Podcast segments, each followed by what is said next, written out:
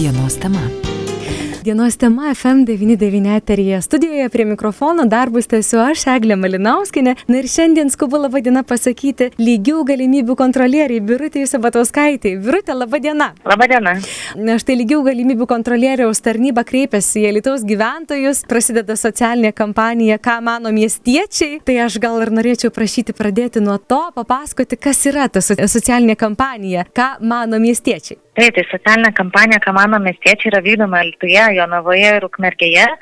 Na ir jie siekiama taip e, paklausti iš tikrųjų asmenų, e, ką žmonės mano apie įvairius stereotipus, kurie pateisina prievartinę kontrolę šeimoje ir taip stiprinti ir galbūt mūsų kritinį mąstymą ir atliepimą, kai mes atpažįstame kažkokį smurto dėl lyties arba smurto artimoje aplinkoje apraiškas, kad mes galėtumėm kaip bendruomenė visi susiburti ir taip sureaguoti ankstyvoje stadijoje, sugebėti atpažinti, galbūt palaikyti kažkam, kam reikia palaikymo, arba padėti tiesiog pasikalbėti ir nurodyti, kur galima kreiptis pagalbos.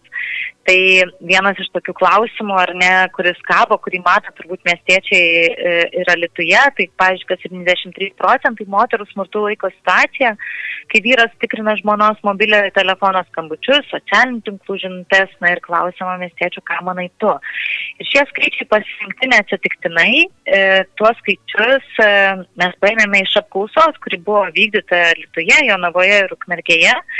Ir e, tai yra atsakymai iš tikrųjų, kurie buvo jau miestiečių pateikti, tad įdomu turbūt e, tiesiog sukelti, iškelti tos klausimus ir kitiems. Gal buvo tokių situacijų, Birutė, kai na, tikrai nustebino tie atsakymai į pateiktus klausimus, gal, gal pats tas rezultatas apklausos, ar buvo kas iš tiesų nustebintų? Na, visų pirma, turbūt svarbu labai pastebėti, kad apklausa lietė daugybę dalykų. Tai klausia apie tam tikrą smurtinį elgesį, e, bet taip pat ir apie tam tikras nuostatas, kurios pateisina smurtinį elgesį, ar ne, arba kaip mes reaguojame į asmenys, kurie yra patyrę smurtą. Tai norisi pirmiausiai pasidžiaugti apklausos duomenimis, kad lyginant su ankstesnė nacionalinė apklausa, alitiški, kaip ir kitų regionų gyventojai geriau atpažįsta smurtą ir vat, pa, tą pačią prievartinę kontrolę, kai yra tikrinami nuolatos artimo žmogaus kažkokie tai asmeniniai susirašinėjimai, asmenys tokio elgesio nepateisina ir taip pat atpažįsta ir fizinį smurtą. Gal kiek mažiau yra atpažįstamas ekonominis smurtas, tai yra, kaip, pavyzdžiui, neleidžiama dirbti asmeniui arba liepiama atiduoti pinigus, tarkim, šeimoje. Tai čia yra tokių galbūt šiek tiek nerima keliančių apklausos duomenų, nes nori čia procentais radio eterija visų apkrauti, tai taip tik tais tokius pagrindinius bruožus apklausos apžvelgiu, nes daug, daug klausimų yra užduodama.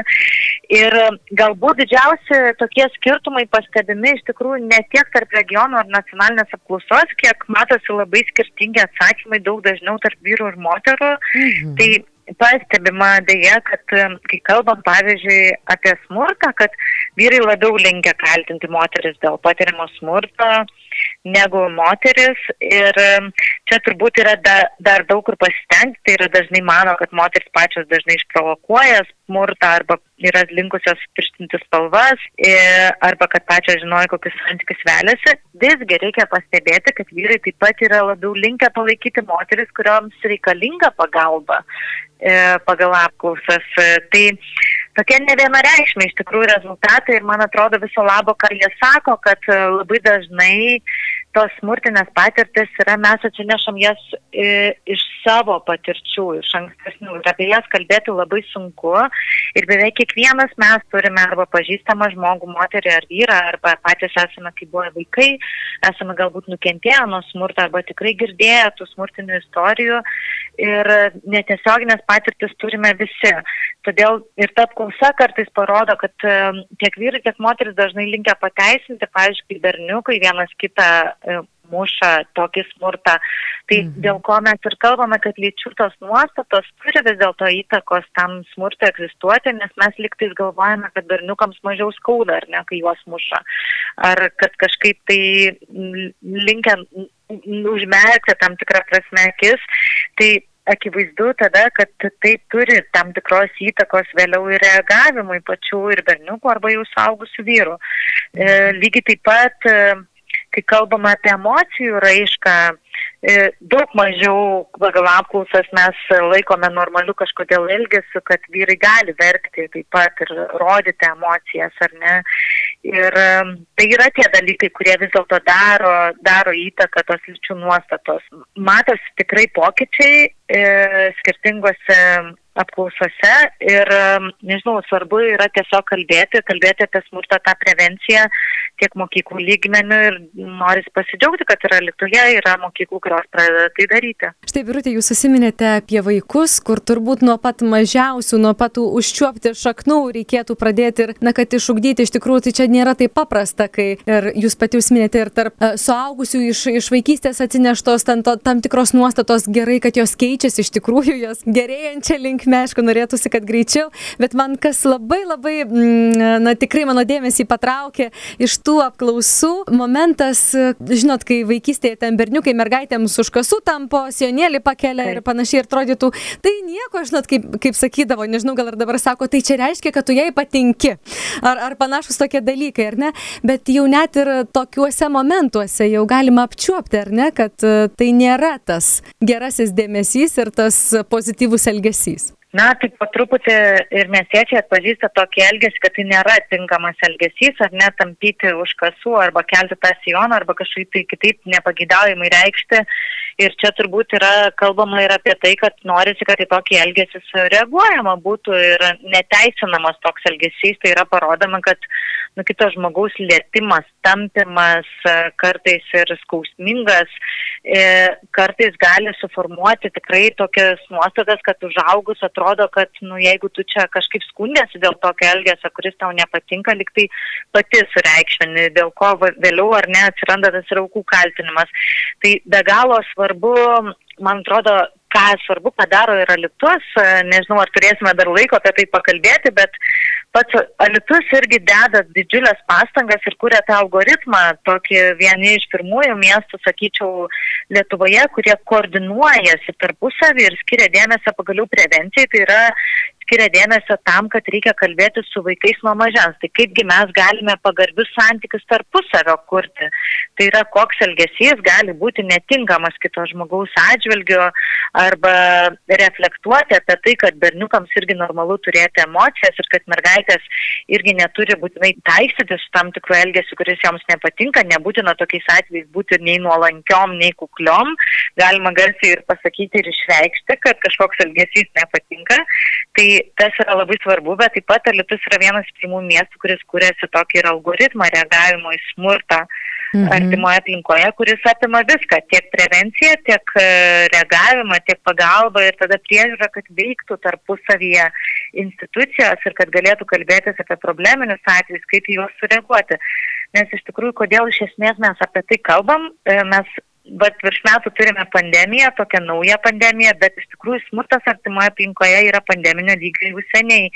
Ir 20 metai buvo ganėtinai liūdni šitoje srityje, nes tai buvo vienas didžiausias iškvietimų skaičius e, nuo 2012 metų, kada pradėjo veikti įstatymas tai virš 58 tūkstančių, beveik 59 tūkstančiai iškvietimų dėl smurto artimoje aplinkoje ir Alitaus apskrityje jų irgi padaugėjo, kaip ir kitur. Štai, Pirutė, jūs susiminėte apie algoritmą ir balandžio 29 dieną vyko diskusija lyčių lygybė Lietuvoje, ar yra kuo pasidžiaugti. Ir tas algoritmas, apie kurį jūs susiminėte, labai įdomu būtų sužinoti, kas tai yra tas algoritmas. Mes pripratę, na, algoritmas, gal čia kokia matematika, gal programavimo dalykai, o čia algoritmas liečiantis žmogų. Ar galėtumėte šiek tiek pristatyti daugiau? kas tai yra, kaip tai veiks? Taip, tai labai paprastai žodžiais, tikrai algoritmas gali skambėti labai e, sudėtingai. Tai yra aprašyti tam tikri žingsniai, kurie aiškiai nurodo, ką kokios institucijos tarpusavį turi daryti ir apie ką kalbėtis, kaip informaciją perduoti, jeigu įvyksta, pavyzdžiui, smurto artimoje aplinkoje atvejais. Bet lygiai taip pat, ką kas turi daryti, kad užtikrintų, kad tokių atvejų neįvyktų tai yra iš esmės dokumentas, kuriame labai aiškiai aprašome konkrečiam regione veikiančios institucijos ir iš eilės visi veiksmai, ką kas kur turi perduoti. Tai brandolį tokį to algoritmo sudaro policijos, vaiko teisų apsaugos tarnybų, atvejo vadybininkų funkcijas atliekančių specializuotos kompleksinės pagalbos centrų arba kitaip organizacijos, kuri teikia pagalbą nuo smurto nukentėjusiems asmenims veiksmai ir tų specialistų įvairių indėlis, tačiau ne ką mažiau svarbus, pavyzdžiui, prevencijoje mokytojų, gydytojų ar kitų specialistų vaidmuo ir taip pat reaguojant, nes kartais jie yra žmonės, kurie galbūt kažkas per vaikus arba kažkas tiesiog gaunant sveikatos paslaugas gali pastebėti greičiau negu kiti, kad smurto atvejais, pavyzdžiui, vyksta arba žmogus pasipasakoja atvykęs sveikatos paslaugas gauti ir gali nukreipti asmenį pagalbos arba padėti, pasiūlyti kreiptis pagalbos. Tai tas yra labai svarbu ir tą iš tikrųjų prie to algoritmo arba tokio plano įvykimo iš esmės reikia svarbu suprasti, kad mes galime visi prisidėti ir jau savo pokalbiais tarpusavėje nepateisindami tam tikro elgesio, nekaltindami žmogaus, mes galime padaryti labai daug.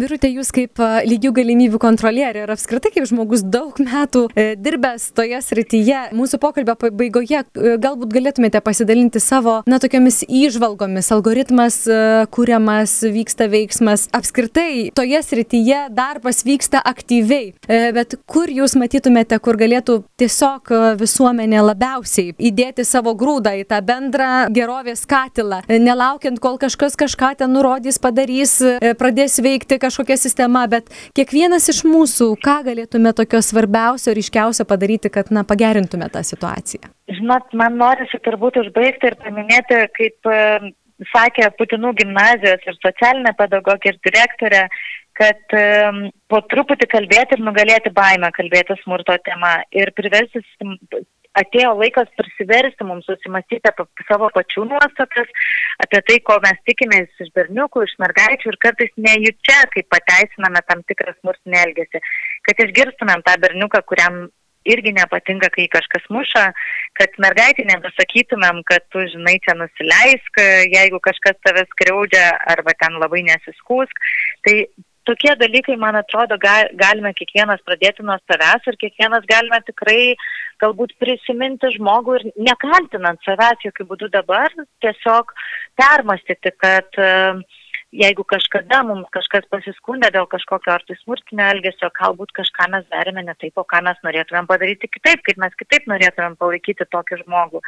Tai tas yra tikrai labai svarbu, nes institucijos taip po truputį veikia, bet kaip ir sakiau, norisi, kad ir prevencija būtų vykdoma e, aktyviau ir norisi pasidžiaugti, kad yra tokių e, pradedančių ir judinančių ir mokyklos lygmenių veiksmus, nes kartais ta baimėmis yra labai viskas apipinta, bet iš tikrųjų nėra tai baisu, juk kalbėti apie tarpusavę pagarbius santykius mes galime kiekvienas, tik tais reikia perlipti ir savo turbūt baimės, kad ir ne, neromantizuoti, pavyzdžiui, pavydo arba kontroliavimo ir skambinėjimo nuolatinio klausinėjimo žmonių, kur yra, ką veikia, su kuo jis susitikti ir panašiai. Negaliu nepaklausti, kokios didžiausios žmonių baimės, kalbant būtent apie smurto apraiškas, apie patirtą smurtą, ko labiausiai žmonės bijo? Aš gal drįščiau pasakyti, kad kadangi tą smurtą iš arti mes esame matę vienaip ar kitaip visi. Galbūt e, skaudžiausia ir sunkiausia mums pradėti apie tai kalbėti, nes atrodo, kad jeigu pradėsime kalbėti, tai yra kažkas asmeniško ir kad mes patys asmeniškai tada esame liktais už tai atsakingi ir kad tada ateina laikas, kai reikia savo prisipažinti, kad ir nu, mes galbūt kažkokius dalykus darėme ne taip, bet kaip ir sakiau, svarbu tai daryti be kaltinimo ir tuo pačiu, na, kartais tas apie smurtą kalbėjimas reiškia kažkokių savo vidinių traumų turėjimų prisipažinimą. Na ir taip pat kai kuriems galbūt atrodo, kad kažkaip tai čia perrašym, perrašysime tą e, poveikį, kaip, kaip tarpusavį sąveikauja vyrai ir moteris, bet iš tikrųjų tai mes viso labo sukursime saugesnę aplinką vieni kitiems gyventi, mhm. kurti, dirbti ir aukti. Tas posakis, negalima nešti skalbinių iš namų, ar ne? Jau seniai tai, turėtų būti. Senas posakis tikrai yra toks mm -hmm. dar gajus ganėtinai. Jau seniai turėtų būti užmirštas, užspalvintas ir užtušuotas, ar ne? ir nebelikti. Birutė, šiandien, dėkosiu Jums už pokalbį, už Jūsų skirtą laiką. Aš tikrai palinkėsiu sėkmės ir naujose pareigose, ir tose darbuose, kuriuos Jūs darote. Ir šiandien ačiū Jums. Ačiū Jums labai, kad šviečiate visuomenę. Kalbėjome su lygių galimybių kontrolierė Birutė Sabatauskaitė. Dienos tema.